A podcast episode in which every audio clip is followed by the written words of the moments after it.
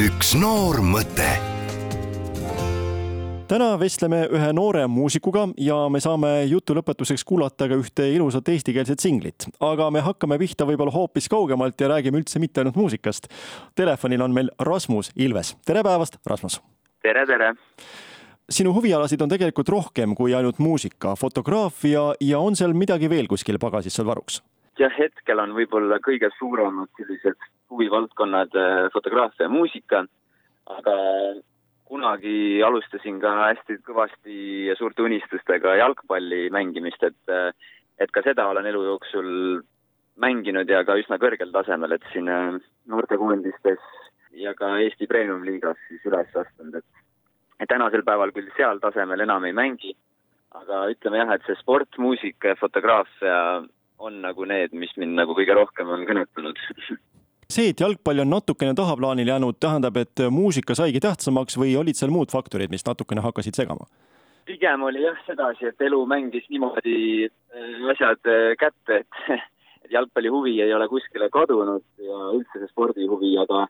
aga pigem olid seal muud faktorid, mis natuke, natukene ka tervist mõjutasid, et et see tippsport on ikkagi tänapäeval üsna, üsna karm ja sai valitud selline tee, et pigem äh, sellist loomingulist äh, poolt endas rohkem arendada, et siis muusika ja fotograafia näol. samas, kui vaadata maailma popartiste, siis ega see muusiku, tippmuusiku elu ka just meelakkumine pole ja ka võib-olla tervist kahjustav ei, seda, seda kindlasti, et äh, igal asjal omad plussid-miinused, aga mul kuidagi see, kogu see protsess on, on välja näinud hästi-hästi loomulik ja, ja ma nagu usun ka seda, et, et kõik juhtub nii-öelda põhjusega ja kui mingi äh, uks kuskil nagu avaneb, et siis ma alati üritan sellest nii-öelda õlekõrrest kinni haarata ja, ja praegu on jah sedasi läinud, et pigem on see muusika ja fotograafia teekond äh, aktuaalsem, ütleme nii. see, et sa muusikaga tegeled, on välja tulnud üsnagi hiljaaegu, kuigi sa oled ju pikalt tõepoolest sellega tegelenud, käinud ka muusikakoolis. kust see muusikahuvi sul alguse sai, oli see nii-öelda perekonna selline suunamine või, või sa tõesti ise leidsid selle raja? et see muusika on mul tegelikult jah, hästi-hästi ma arvan, lapsest saati kogu aeg nagu mind ümbritsenud ja minu sees olnud, et mul jah, vanemad on ka mõlemad äh,, ei ole küll muusikud, aga nad on ikkagi väiksest peale ka noh, isa ka kunagi bändi teinud ja ema ka koorides laulnud, et see musikaalsus on meie peres nagu alati sees olnud. ja siis, kui väiksest peale mind muusikakooli pandi, siis kuidagi hakkas kohe, kohe hästi meeldima ja noh, kindlasti suur kummardus ka mu nagu õppejõududele nii-öelda seal muusikakoolis, et nemad tegid mul selle õppe nagu väga põnevaks ja mind hakkas kohe köitma ja olen teinud noh, bändi natukene ja siis vennaga muusikat kirjutanud ja et see kogu aeg on, kogu aeg jah, olen nagu muusikas sees olnud, aga, aga jah, tõsi, et äh, ise niimoodi enda loominguga välja tulla on alles sel aastal siis esimest korda, et äh, võib-olla on ka natuke julguse taha asi jäänud, et ma olen hästi selline enesekriitiline oma tegemistes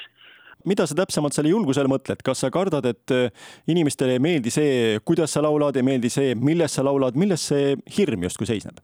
tegelikult sellist hirmu kui sellist ei olegi, et noh, ega ma olen ju sellega ennast loovutanud, et ega iga muusika, iga asi ei saagi kõigile meeldida. jah, et mul on nagu igas asjas, mida ma teen, kuidagi selline ikkagi see kriitilisus nagu olemas, et ma ükskõik, mida ma nagu välja annan või mida ma esitlen, eh, siis ma tahan, et see oleks nagu võimalikult, võimalikult hea. mõtteid mul sahtlis on ikka nagu väga palju, aga need, mis nüüd lõpuks päriselt ka lauluks saavad, seisab siis selle taga, et ma nagu tahan, et see oleks lõpuni viimistletud ja võimalikult, võimalikult hea, et ma enam ise ei kahtleks milleski, et kas siin natukene võib tuua paralleele juba ka fotograafiaga, ehk siis sa teed võib-olla millestki sada viiskümmend pilti ja lõpuks valid sealt ühe välja, et muusikaga on sama, sa istud kuu aega järjest stuudios, laulad neli erinevat lugu sisse ja lõpuks võtad ühe, viimistled selle lõpuni ja kui oled täitsa kindel, siis annad välja? jaa, täiesti nõus selles mõttes, et ega fotograafiaga on jah, täpselt sama, et ega seda head, head ja kõige paremat pilti annab ikka teha, et see nõuab ohtralt kannatust järjepidevust, pühendumist, et, et kindlasti jah, see ühe, ühe klõpsuga ei käi, et et ma olen ka selles vallas jah, hästi enesekriitiline, et et ma pean ka näiteks Facebookis sellist väikest noh, nii-öelda blogi või sellist lehte, kus ma oma loodusfotosid aeg-ajalt ikka inimestega jagan aga, aga ka sinna jõuavad nagu ainult need, need nagu nii-öelda kõige paremad, et kuivõrd looduses käimine inspireerib sind muusikat looma, oled sa sageli selliste mõtetega kuskil, ootadki õiget klõpsu ja siis eh, tekib peas mõni mõte, mis hiljem saabki lauluks? see on samuti täiesti õige tähelepanek, et ma tegelikult olengi enda enamuse sahtlisse kirjutatud viisijuppidest üles lindistanud eh, kuskil väljas olles või õues olles või looduses olles, et mul tõesti kuidagi on juhtunud nii, et sellised esmased mõttesähvatused eh, löövad pähe mingitel tegevuste ajal, et spordi tegemise ajal või jah, kuskil looduses pildistamise ajal tõesti võtnud nagu telefoni ruttu taskust välja ja midagi kiiresti ümisenud sinna, et hiljem siis seda mõtet edasi arendada, et rääkida sellest minu viimasest singlist, siis täpselt samamoodi äh, tegelikult mere ääres nii-öelda sisse esimest korda ümisetud. et loodusel on kindlasti nagu olnud mingi mõju, isegi kui ma ei ole seda võib-olla osanud teadvustada, siis millegipärast need mõtted mul jah, ikkagi tulevad nagu kuskil looduses olles, et ju, ju, ju ikka see kuidagi mõjutab õige pea me selle lauluni välja jõuame ka ja hakkame kuulama muusikapala Sügav sinine, aga Rasmus, ütle,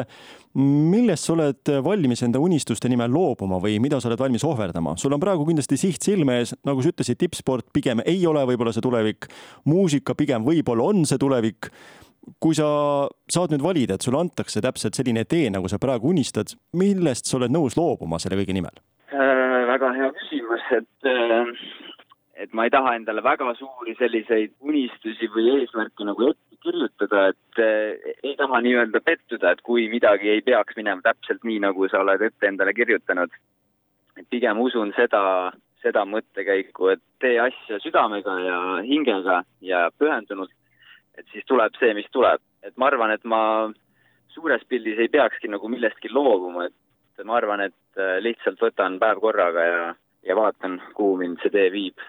suur aitäh, Rasmus, meiega juttu ajamast ja palju ilusaid hetki sulle nii muusikas kui ka fotomaailmas! ja ma väga tänan teile ka! tahan vaadata vabalt,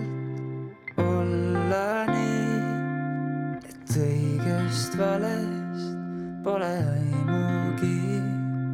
loodan eksida paika,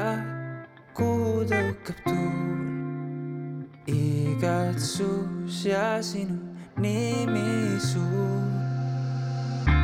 salamisi püüan veel,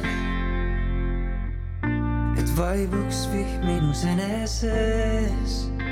kuid siis ma libastun, leian end maha jäetud teel. ootan sind kui kuutsele,